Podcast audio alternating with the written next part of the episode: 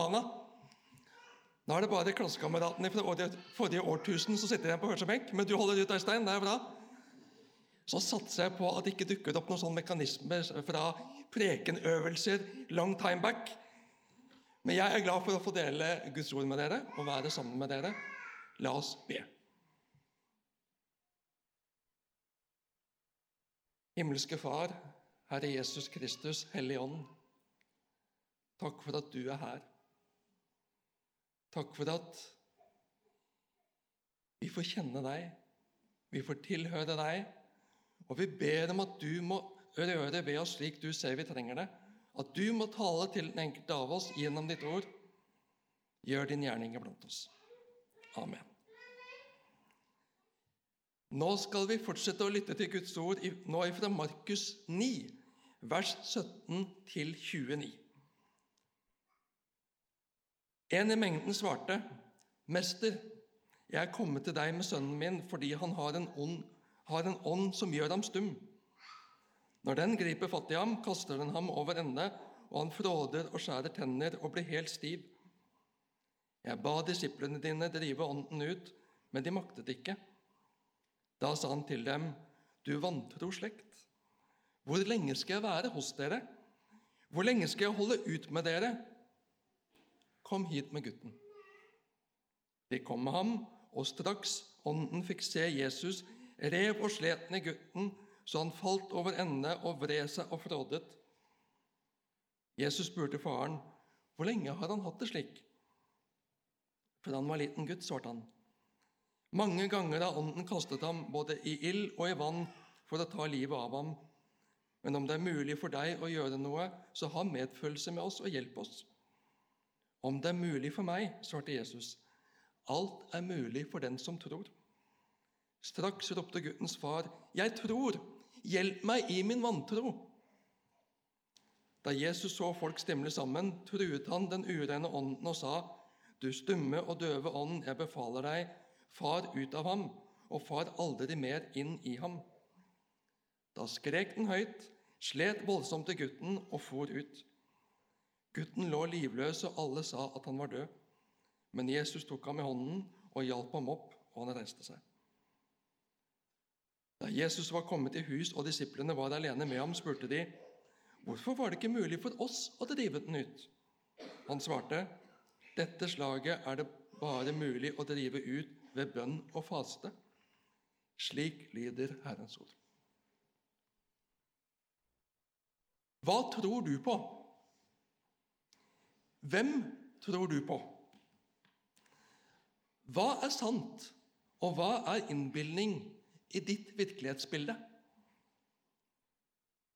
Stemmer det med hva som er sant, og hva som er innbilning i Guds, i Bibelens virkelighetsbilde? Bibelen presenterer oss overfor en åndelig virkelighet. Samfunnet rundt oss forholder seg i stor grad ikke til en åndelig virkelighet. Det er bare syke og psykologi. Samtidig så er det alternative retninger som forholder seg til åndelighet, og som søker i ulike retninger og ulike bilder av hva man skal oppnå, og hva man skal bli. På verdensbasis så er det flere som forholder seg til en åndelig virkelighet, enn dem som ikke gjør det. Sånn sett så er sekulære Vesten et unntak. Men hva gjør det med samfunnet vårt? Hva gjør det med oss som kaller oss kristne i sekulære Vesten? Jesus forholder seg til en åndelig virkelighet. Og Dagens lesetekst fra Jobbs bok viser at den onde har et visst spillerom i verden. Og dagens andre lesetekst gir oss tydelig instruks om hvorfor, hvordan vi skal ruste oss for å bli stående i den åndelige kampen. Bibelen er tydelig på at det er en åndelig virkelighet. Vi har en åndelig motstander. Vi står i en åndskamp. Men Bibelen er også tydelig på at Gud er sterkest. Jesus er sterkest. Jesus har overvunnet Satan. Satan kjemper og vil ha makt over folk. Men kløften Satan fikk skape mellom Gud og mennesker, har Jesus bygd bro over. Jesus har forsonet menneskene med Gud. Jesus har forsonet menneskene med seg. Men vi velger, hver enkelt av oss, om vi vil ta imot forsoningen og leve i forsoningen, eller om vi vil leve borte fra Gud, nå og i all evighet. Nå er tiden for å komme tilbake til Gud. Jesus er veien tilbake til Gud. I forkant av det bibelavsnittet vi nettopp leste, så har Jesus vært på fjellet. Jesus har hatt en herlig opplevelse. Det er jeg overbevist om. Jesus ble herliggjort overfor Peter, Jakob og Johannes. De fikk et glimt av hvem Jesus egentlig er. Det må ha vært nydelig for Jesus, tenker jeg, og for at noen fikk et glimt av hvem han virkelig er, at han er så mye mer enn et vanlig menneske. At han er Gud kommet til jord. Jesus skinte, står det. Det strålte av ham. Og plutselig så var Moses og Elia, trosheltene fra gamle testamentet, der sammen med Jesus. Og like plutselig så kom det en sky og skygget over dem, og det lød en røst fra himmelen, røst fra skyen. Dette er min sønn, den elskede. Hør ham. Gud selv i himmelen snakket til dem om Jesus. 'Dette er min sønn, den elskede. Hør ham!' Og det er til oss også. Vi må se Jesus som den han er, og vi må høre ham. Det er der hele kristendommen ligger. Det er der frelsen og livet er å finne. Jeg tipper at noe i Jesus ville være på fjellet for bestandig. Peter, Jakob og Johannes også. Men de måtte ned igjen til hverdagen. Og der møter de livets realiteter i en verden hvor, onde, hvor det onde og den onde har fått makt. I folkemengden er det en mann som kommer mot Jesus og snakker til ham. 'Mester, jeg er kommet til deg med sønnen min fordi han har en ånd som gjør ham stum. Når den griper fatt i ham, kaster den ham over ende, og han fråder og skjærer tenner og blir helt stiv. Jeg ba disiplene dine drive ånden ut, men de maktet ikke. Er det noen helsearbeidere her? Eller det, opp, opp. Uansett, dere alle, hva tenker dere når dere hører den beskrivelsen av symptomene? Ikke sant? Vi tenker fort epilepsi. Vi skal ikke åndeliggjøre sykdom, verken fysisk eller psykisk. Men vi skal heller ikke sykeliggjøre eller diagnostisere åndelige angrep. Dette er et landskap som er vanskelig for oss i Vesten å skille og sortere rett og godt og naturlig i. Forlagshuset Lunde har gitt ut tre spennende bøker om denne tematikken i det siste. 'Sjelslivets landskap om psykisk helse og kristen tro' av Ørjan Johannessen. 'Utrivelse', en roman av Thomas Teilgaard. 'Farlig for fienden', en bok om den åndelige kampen og hvordan den kan vinnes, av Olof Etzinger. Jeg ønska meg alle disse tre til jul. De sto på ønskelista mi, og jeg fikk de alle også. Har lest de. Veldig spennende. Dette her er interessant. Dette engasjerer meg. Vi har en legevitenskap i Vesten som gir lite og ingen rom for Gud og en åndelig virkelighet. Og Da må de nødvendigvis finne andre svar i møte med slike fenomener. Ikke minst Heilgaard i sin roman han gir et bilde av dette og de, de dilemmaene der. Det kan være tøft å være kristen i slike yrker. Men vi trenger virkelig kristne leger, kristne psykologer, kristne psykiatere som kan utvide bildet for folk og forholde seg til en hel virkelighet, også den åndelige.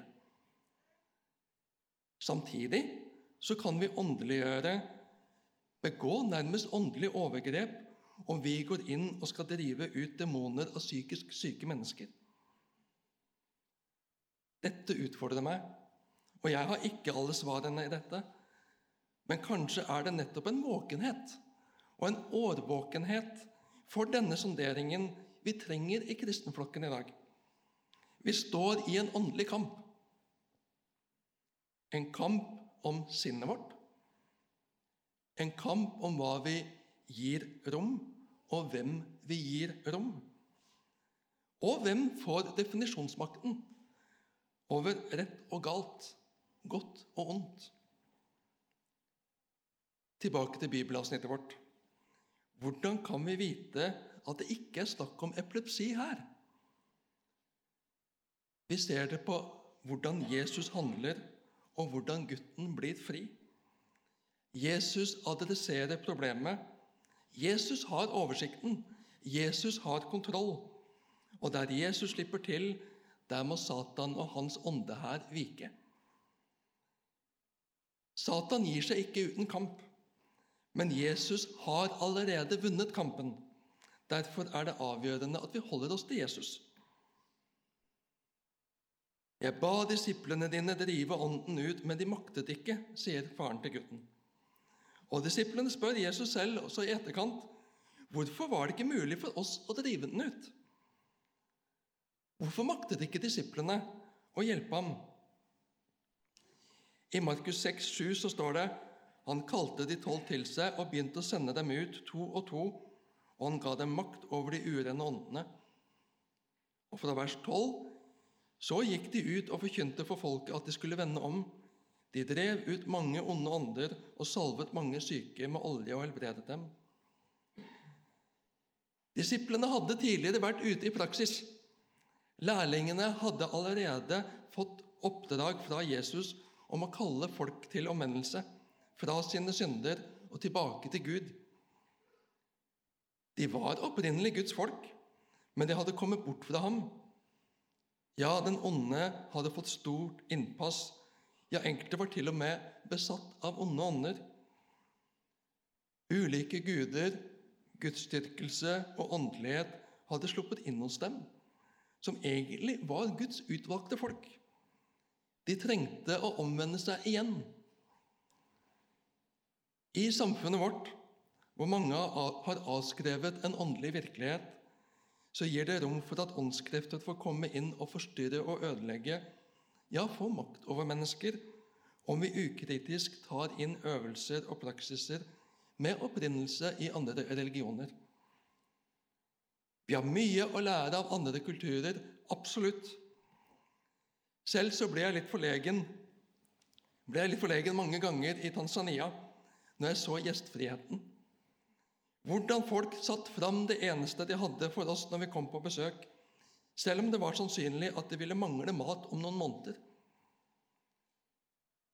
Og mennesket var dessuten viktigere enn sakene. Det å møte mennesket på en god måte. Et møte eller arbeidsoppgaver ble mindre viktig om det kom en gjest på besøk. Mennesket først. Jeg ønsker å lære å ta opp i meg det mine søsken i Tanzania viste i praksis. Og her i Kristiansand så har jeg blitt kjent med en kar fra Kosovo. Hvordan han inviterer inn på mat, kommer med gaver, en sjenerøsitet som langt overgår min, selv om han sliter med å få en jobb. Hvordan han får det til, det skjønner jeg ikke helt, men jeg merker men hjertet, det merker jeg. Vi har mye å lære av andre kulturer, definitivt. Men vi skal vokte oss for å importere andre åndskrefter og gi andre åndskrefter rom, nettopp fordi vi ikke har den åndelige radaren på. Det som presenteres som bare teknikker og øvelser, men som kanskje ikke bare er teknikker og øvelser, men i praksis er å åpne opp for andre krefter. Da vi bodde i Hallingdal før vi flytta til Kristiansand, så kunne jeg en dag lese i lokalavisa Hallingdølen en reportasje fra kultur, kulturskolen i bygda, hvor barna i danseklassen fikk prøve seg på meditasjon. Og barna var positive. Deilig å slappe av, spenne av, koble ut alle tanker og stress fra skolen. men reportasjen avslørte også at meditasjonen innebar mantra. Merkelige ord for oss, men når jeg googlet ordet, så viste det å være hinduistiske tilbedelsesord. Da er det ikke bare gode praksiser vi lærer fra andre kulturer, men å gi andre krefter rom. Tror en ikke på en åndelig realitet, så oppleves det bare som eksotisk og uskyldig. Men vi som erkjenner den åndelige virkelighet, vi skal være våkne.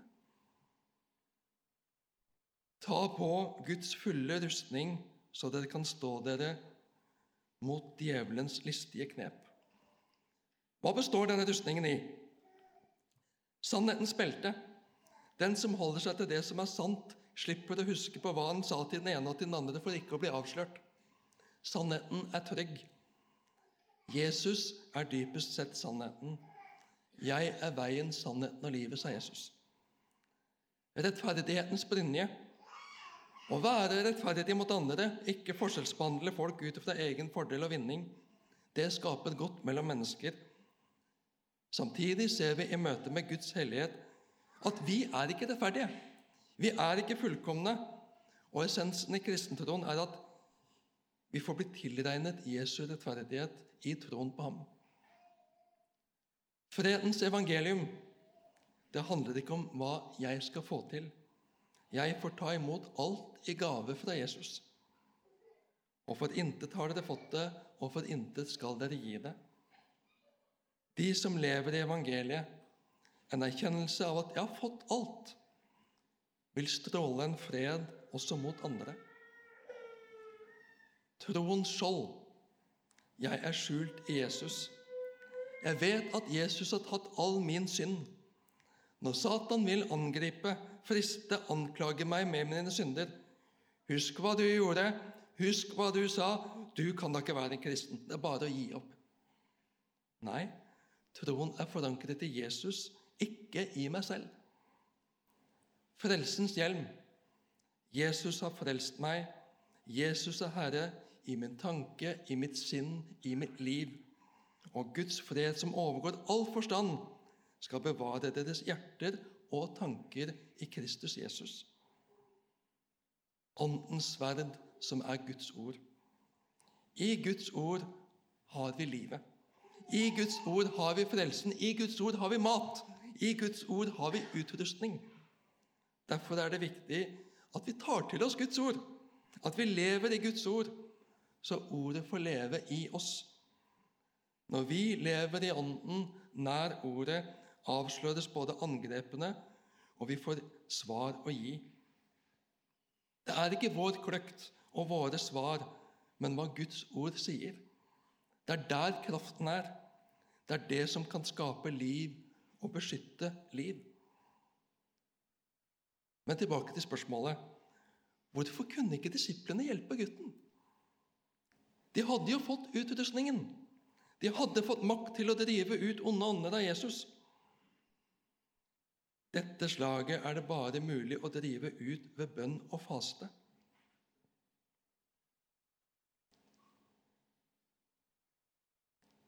Her kan det ligge flere ting. Jeg vil ta fram ett element. Vi mennesker er mennesker. Og etter syndefallet har vi en hang som vi ikke ble skapt med. Satan nådde inn med en fristelse som førte til et fall, og som vi bærer med oss. Vi vil fikse det sjøl.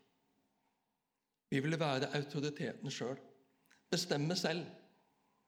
Snublende ofte så vil vi ta æren selv, og selv ha kontrollen.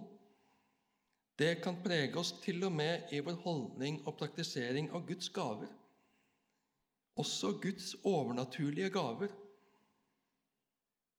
Å, så flott kristen hun er. Hun kan tale i tunger. Jeg skulle gjerne vært som han som har gaven til å tale profetisk. La oss reise på det møtet der borte, for der kommer det en helbredelsespredikant. Som nordmenn så sier vi det ikke så ofte, men tanken kan slå opp i bevisstheten i en eller annen form. Se på meg, hva jeg får bidra med, hvilke gaver Gud har gitt meg. Kanskje var disiplene der i sin mentalitet. at de skulle fikse uten en avhengighet av Gud. Kanskje var de der at gaven var en, blitt en rettighet, nærmest, et privilegium de benyttet seg av. Men deres holdning i møte med gaven og tjenesten var i ferd med å føre dem på avstand fra Jesus, på avstand fra Gud. De sto ikke i den sunne og sanne avhengigheten av Gud slik de trengte å være. Derfor kunne ikke Gud la dem lykkes.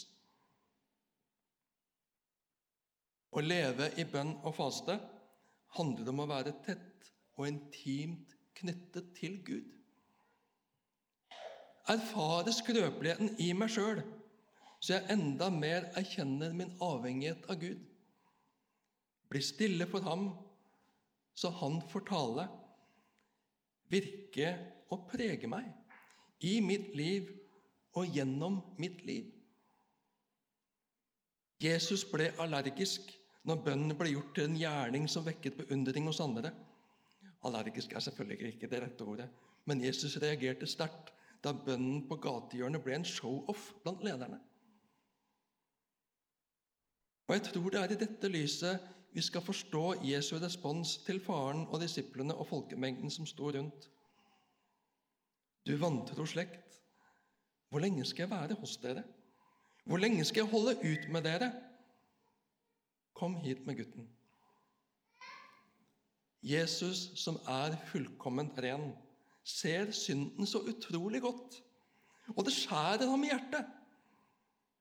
Synd, ondskap, egoisme forkledd i åndelig drakt er kanskje det mest ufyselige. Ren, ukamuflert ondskap som kommer til uttrykk i besettelse, er én ting å forholde seg til. Jesus er seierherren. Jesus har seiret over Satan. Den onde har ingenting å stille opp med i møte med Jesus. Men religiøse, selvrettferdige, tilsynelatende fromme disipler som lar syndene besmitte deres sinn og omgang med mennesker, som tåkelegger sannheten og skygger for at Gud skal få virke i dem og gjennom dem, det er vantro. Det er forkastelig. Det er utholdelig. Omvend dere, for Guds rike er nær. Bryt med synden. Vend deg bort fra den. Ikke bland Guds gaver, Guds frykt, Guds gode gaver og praksiser med hovmod, selvhevdelse og æresyke. Jeg trenger å høre det. Jeg trenger å stanses av det. Jeg vil instinktivt jakte anerkjennende blikk og gode tilbakemeldinger når jeg avslutter talen. Det er så kjekt å høre at folk setter pris på meg og det jeg fordeler fra Guds ord. Det blir så fort meg, meg, meg. Kjære Jesus, befri meg fra selvhevdelsen. Tilgi meg. Kan jeg få være et redskap for deg som kan virke til din ære? At du får virke, at du får frelse, at du blir stor. At ikke jeg står i veien for deg. De kom med ham, og straks ånden fikk se Jesus, rev og slet ned gutten så han falt over ende og vred seg og frådet. Jesus spurte faren, 'Hvor lenge har han hatt det slik?' Fra han var liten gutt, svarte han. Mange ganger har ånden kastet ham både i ild og i vann for å ta livet av ham. Men om det er mulig for deg å gjøre noe, så ha medfølelse med oss og hjelp oss. Om det er mulig for meg, svarte Jesus. Alt er mulig for den som tror. Straks ropte guttens far, 'Jeg tror, hjelp meg i min vantro.' Da Jesus så folk stimle sammen, truet han den urene ånden og sa, 'Du stumme og døve ånd, jeg befaler deg, far ut av ham, og far aldri mer inn i ham.' Da skrek den høyt, slet voldsomt til gutten og for ut. Gutten lå livløs, og alle sa at han var død. Men Jesus tok ham i hånden og hjalp ham opp og han reiste seg. Når Jesus får plassen Det er alt mulig. Når Jesus får slippe til, har den onde ingenting å stille opp med. Jesus har all makt i himmel og på jord. Ham får vi tilhøre. Ham får vi være avhengig av. Vi skal ikke frykte Satan og hans ånde her. De er sterke, ja, De skaper mye vondt, ja. Og gir vi dem lillefingeren, ja, da har vi noe å frykte. Men om vi er avhengige av Jesus og lever i syndenes tilgivelse, da har vi ingenting å frykte. Forsvarer jeg synden, da har jeg et problem. Bagatelliserer jeg synden, da er jeg ille ute. Men når vi erkjenner vår synd og overgir alt til Jesus, slipper Jesus til som Herre og frelse, frelser i alle deler av våre liv, da er du og jeg helt trygge. Da vil Satans angrepspiler treffe skjoldet, ja, men det vil ikke treffe meg og deg. Da vil Satans tankekjør og fristende bilder nok fortsatt strømme mot meg, men frelsens hjelm viser meg hva jeg har i Jesus, og at hans sannhet, hans bilde, er så mye bedre å holde fast på. I møte med Jesus må den onde kapitulere. Vi er fortsatt på slagmarken, men utfallet er gitt. Jesus har overvunnet Satan, men Satan gjør de siste krampetrekninger for om mulig få med seg flere i fortapelsen. La oss holde oss til Jesus. La oss holde oss til seierherren.